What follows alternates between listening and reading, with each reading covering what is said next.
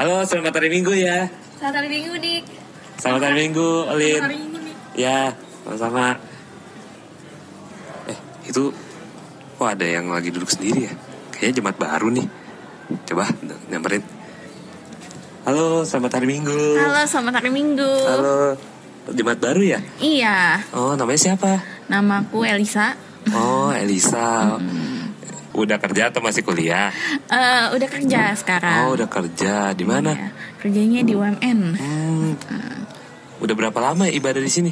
Ibadah di sini dari akhir Februari tahun ini.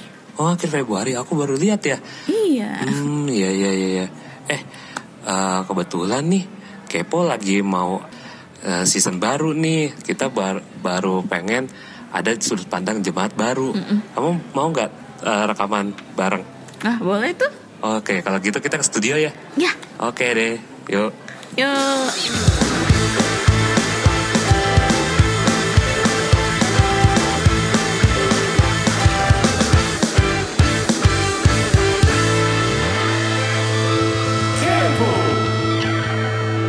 Halo semuanya, Sobat Kepo kembali lagi nih di KDM Podcast bersama talent tetap lo yang tidak lain tidak bukan adalah Nico Ferdinand Jonathan. Dan di episode kali ini kita membahas masih membahas soal KDM as a community and as a home. Nah, sekarang sudah ada bersama gue. Ini dia jemaat baru lah bisa dibilang di KDM. Nah, kita boleh kenalan dulu nih. Namanya siapa nih? Halo. Halo semua, Eh, perkenalkan nama aku Elisa Kristiana, tapi biasanya dipanggil Elisa atau El. Asalnya sebenarnya dari Bekasi, di sini lagi bekerja. Oh, lagi bekerja ya. Iya.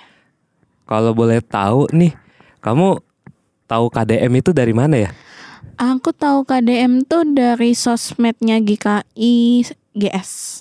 Sosmednya GKIGS, bukan dari temen atau dari misalkan eh kamu kan lagi di Tangerang nih, ibadah dong di GKIGS gitu. Eh, enggak sih, jadi bener-bener cari sendiri aja di sosmed, eh, terus ketemu di gereja terdekat di Gading Serpong. Oh ada GKI Gading Serpong. Pas ada ibadahnya, ternyata ada ibadah pemuda ya udah deh ikut aja. Gitu. Wih, ini dia nih ciri-ciri wanita independen ya. Dia kulik sendiri dan akhirnya dia tahu ibadah di KDM. Kebanyakan jemaat baru itu biasanya tahu KDM, biasanya nih ya, taunya dari ya dari temennya atau dari keluarganya yang ibadah di sini gitu. Karena kan ini kan udah termasuk jemaat besar ya di KDM ini. Nah, kalau boleh tahu nih, kenapa kamu bisa mau gitu eh, ibadah di sini? Kan maksudnya di gereja di Tangerang ini banyak loh, nggak Hmm. cuman GKI Gading Serpong doang, ada yang lain lah. Iya. Nah, kenapa kamu langsung kepincut gitu langsung? Wah ini nih gereja yang aku tuju. Oke, kalau untuk kenapa bisa akhirnya gereja di GKI Gading Serpong, awalnya tuh sebenarnya dari Bekasi itu asal gerejaku yang ada di Tangerang ini sangat dikit kan dan yang paling dekat dari tempat tinggalku di Tangerang sekarang itu ada di Karawaci. Sementara aku pikir kayak untuk apa gereja jauh-jauh kalau misalnya yang terdekat aja ada gitu. Hmm. Akhirnya coba-coba kulik di internet, oh, ada nggak nih gereja yang istilahnya masih bisa masuk tapi deket dari tempat tinggal. Akhirnya nemulah eh, GKI Gading Serpong dan kebetulan kan masih ada kesamaan asas ya. Jadi istilahnya untuk ibadahnya sendiri, eh, untuk budaya-budaya beribadah di dalamnya juga nggak jauh ada per- banyak perbedaan lah dibanding eh, apa namanya gereja yang lain gitu. Luar biasa ya. Kupikir kayak kamu cuman sekedar iseng doang. Maksudnya datang ke KDM, ah ini ada ketemu nih di IG eh, terus kamu datang and then kamu kayak nyaman gitu. Ternyata kamu udah mikir ya, udah mikir sejauh kayak misalkan kesamaan asas dengan gereja kamu sebelumnya. Terus habis itu kayak nggak jauh juga dari lokasimu kayak semuanya diperhitungin ya. Luar biasa emang si Elisa ini. Iya. eh sejemaat baru kamu tuh kayak ternyata eh, ada juga loh yang misalkan eh, pikir ya selama ini kan iba- eh, mereka tuh ibadah di KDM itu ya udah gitu cuman datang eh, ibadah pulang gitu. Iya. hubungan lu dengan Tuhan aja yang yang Iya. lu utamakan gitu. Tapi kamu juga pernah aku juga ngeliat kamu ikut persekutuan bulanan waktu Iya, itu. bulanan. Itu kenapa kamu bisa eh, incu gitu? Misalkan bisa datang ke persekutuan bulanan. Kan kamu ikut persbul dulu kan baru ibadahnya ya? Iya, betul. iya kok bisa gitu?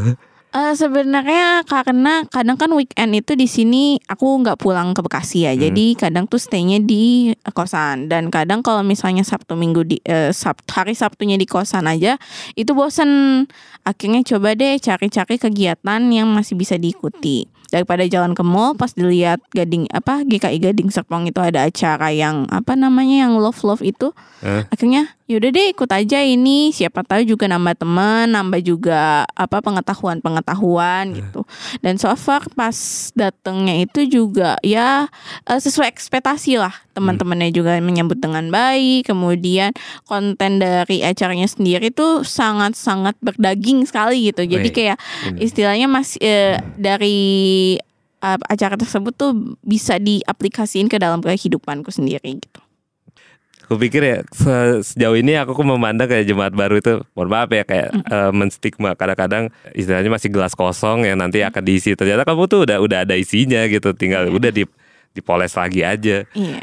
Kan di weekend itu kan mestinya ya di sini mall banyak iya. terus tempat makan banyak tempat hangout banyak. Kenapa kamu milih ikut persbul gitu? Eh ya itu karena eh, dari tema acaranya sendiri tuh sangat apa ya menarik hati banget gitu daripada ya di kosan aja gitu. Mending oh ini nih kesempatan yang bagus untuk dapat dapat pengetahuan baru soal kemarin kan soal yang percintaan itu gimana pernikahan itu kayak gimana. Dan sebenarnya itu agak juga susah-susah dicari kalau misalnya kita tuh nggak datang acara atau nggak nggak diskusi sama orang gitu. Ini untuk kalian ya pengurus ya. Ini udah diapresiasi nih sama Jumat baru nih. Kalian harus bikin program yang benar-benar menarik secara kemasan, menarik secara eh, materinya segala Iya. macam. Jadi Da- di, uh-uh. Yang penting juga nanti setelah acaranya juga ada istilah pengetahuan yang bisa diterapin Hmm. ke kehidupan sehari-hari gitu. sih. hmm, benar-benar benar. luar biasa lah. Nah, eh, jadi udah berapa lama kamu ibadah di KDM? KDM itu dari akhir bulan Februari itu Hmm. sampai sekarang juga masih ikut KDM juga. Berarti udah sekitar dua bulan ya kamu Iya, ibadah di bulan. KDM. Mm-mm. Itu ada nggak sih keuntungan bagi kamu gitu ibadah di KDM sejauh ini? Apakah dari segi tema ibadahnya atau Iya. dari segi pembawa firmannya jadi dapat kita jadi eh, saling merenung, saling Hmm. sharing gitu. Oke, kalau pendapatku soal ibadah KD, apa KDM yang ada di Gading apa GKI Gading Serpong ini eh jujur aja eh, di di gerejaku yang di Bekasi itu nggak ada semacam ibadah minggu khusus untuk Hmm. pemuda-pemudinya. Sementara di GKI Gading Serpong ini ada u- ibadah khusus yang bisa dihadiri oleh pemuda-pemudinya gitu. Jadi istilahnya eh, ibadahnya itu juga dari ibadah KDM ini kan khususnya untuk pemuda ya. Jadi kayak eh, materi-materinya, kemudian juga pengkhotbahnya juga eh, masih muda gitu kan. Jadi dari lagu-lagunya juga yang apa istilahnya yang eh, fun juga untuk memuji nama Tuhan eh, dari sisi eh, pemudanya Hmm. gitu. Jadi dari apa namanya eh, yang aku salut dari KDM ini adalah dari ibadahnya ada khusus untuk pemudanya, kemudian juga eh, ibadahnya juga khotbah-khotbahnya juga sangat menarik, Nah, eh, cukup apa ya? Kadang juga suka ngintil hati gitu ya, Iya. karena kan disaji, eh, disajiinnya sama eh, pengkhotbah yang muda yang istilahnya masih mengerti isi hati anak muda tuh kayak gimana gitu. oh. Dan juga di sini ya karena anak muda ya ketemunya sama te- teman-teman yang eh, umurnya nggak beda jauh gitu. Bener banget sih dari jemaat baru pasti dari sudut pandangnya mereka kan masuk itu kan uh, awalnya tuh pintu masuknya adalah lewat ibadah kan. Iya. ibadahnya gimana? Kalau kayak packagingnya udah oke nih Hmm. mereka tertarik langsung mereka langsung nyaman nih ibadah di DM nah itu juga ya aku harap sih kamu juga karena udah udah pintu masuknya udah dapet nih Mm-mm. ntar masuk ke dalamnya udah enak nih. Iya, ya mudah-mudahan ya. Iya, tanpa bermaksud membandingkan dengan eh, gereja-gereja kamu sebelumnya gitu kan. Mm. selain yang tadi gitu yang apa ibadahnya untuk anak muda Mm-mm. terus emang benar-benar masuk banget lah kayak dari segi materinya gitu dari segi firman keunggulan lain ada nggak sih kayak di ibadah di DM kayak misalkan ternyata kayak oh, oh ternyata jemaatnya menyambut menyambutku dengan hangat gitu Mm-mm. terus at- atau kayak wah ternyata di KDM ini nggak cuman kayak anak-anak muda yang cuma sekedar gemar nongkrong tapi juga ternyata kalau untuk eh, fokus ke Tuhan mereka juga bisa loh kayak Iya. gitu gimana menurut kamu? Kalau dari aku sih yang jadi poin plus yang ada di KDM dan belum tentu ada di tempat lain tuh aku cukup kagum waktu ibadah KDM kan di akhir bulan tuh biasanya ada celebrate yang ulang tahun di bulan itu ya. Oh iya Dan itu kan istilahnya nggak s- kadang nggak semua orang tuh men-celebrate ulang tahunnya sendiri Eh. dengan beberapa aspek gitu dan eh, cukup kagum sih dari KDM ini mencoba merangkul eh, anak muda anak mudanya dengan memberikan apresiasi atau selebrasi ulang tahun dan itu cukup baik sih jadi istilahnya pemudanya juga nggak merasa left out atau istilahnya tersisihkan gitu Hmm. tapi juga tetap dirangkul di dipedulikan gitu itu yang di gerejaku sendiri yang di Bekasi juga belum ada Hmm. hal seperti ini dan ini menjadi poin plus lah di KDM Ih, mantap pengurus, lanjutkan kerjaanmu ya. Jadi gini, kemarin kan di episode lalu itu kita eh, ngambil tamunya dari jemaat lama yang yang udah lama lah ibadah di KDM. Ra- Mereka kan udah tahu nih kayak dalamnya KDM kayak gimana. Kita eh, ini aja diskusi aja biar eh, kamu juga jadi tahu gitu. Maksudnya kayak seluk beluknya KDM tanpa harus kayak merasa eh ibadah di DM ternyata begini gitu. Jadi akan menimbulkan sakit hati. Enggak, sekali lagi enggak ya. Ini untuk biar kayak kamu terbuka aja gitu di permasalahan di KDM. Jadi kayak kamu jadi bisa nyaman lah ibadah di DM. Ini harus di ini dulu ya, disebut dulu supaya ntar gak disalah artikan. Nah, kita waktu itu kan ada rekaman yang episode sebelumnya itu tentang jemaat lama tuh sudut pandang KDM. Nah, itu ada keresahan tuh. Mereka itu ada hubungan antar jemaat yang kurang yang notabene eh, musinya kita tuh ha- eh, ibadah selain ibadah doang yang ditonjolkan dari aspek sere- eh, seremonial gitu kita juga tetap juga harus mengutamakan KDM as co- community ya dari jemaatnya sendiri dari hubungan jemaatnya. Selain hubungan antar jemaat yang kurang ada juga nih kayak interaksi sosial gitu dari dan personal ke jemaat sendiri gitu. Dari KDM as community direct langsung ke jemaat gitu kita sama-sama diskusi aja enaknya gimana nih? Terutama kan kamu nih sebagai sudut eh, dari jemaat baru sudut pandang kamu itu kayak masih fresh gitu loh maksudnya. Pasti kan ka- kamu kan karena mungkin belum incu ke situ jadi kayak punya pandangan sendiri lah eh, bandingin antara mungkin eh, dengan gereja kamu dulu sama yang di KDM sini. Nah itu menurut kamu gimana tuh kalau misalnya tadi mendengar cerita dari Kaniko sendiri, Hmm. itu kan aku highlightnya adalah ada kurang bonding ya. Hmm. Mungkin dari usulan aku tuh bisa dipertimbangkan kayak ada ibadah eh, apa namanya morning kayak coffee break pagi-pagi gitu setiap hari Sabtu pagi gitu di mana nanti eh, misalkan jalan pagi bareng gitu Hmm. antara pemuda sama eh, anak mudanya kemudian eh, eh, pemuda sama orang tuanya. Setelah itu ada doa pagi juga jadi istilahnya saling menguatkannya itu di doa pagi itu Hmm. gitu sih. Jadi lu- supaya kita sehat bareng kemudian juga saling mendoakannya bareng gitu yang tua dan muda. Dan mungkin juga usulannya untuk KDM bisa juga kayak ada sebenarnya kalau untuk pe- apa pembawa firmannya sendiri itu ada dari penatuanya juga nggak sih yang suka ngisi di KDM kalau kita sih pembawa firman selalu ya anak muda pendeta gitu Pendeta. atau pastoral dari ya kalau dari eh, gereja kita ada Pak Andreas Solangka, ada Mm-mm. Pak Santoni gitu. Mm-mm. Sekarang ada tambah lagi Devina sama Erma sebagai Hmm. pendeta baru tuh. Uh-uh. Terus eh, habis itu biasanya juga dari luar kita suka Mm-mm. ngisi pastoral atau pendeta dari gereja lain gitu. Ada tuh aturannya pokoknya. Tapi kalau dari penatua sendiri biasanya dia cuma mendampingi doang. Kayak biasa gitu kayak eh, bawa persembahan, pengakuan iman itu penatua yang yang iniin. Tapi kalau oh oke, as eh eh, ibadah gitu ya tetap membawa firman dari pastoral kalau nggak pendeta gitu. Oke oke oke oke. Iya sih.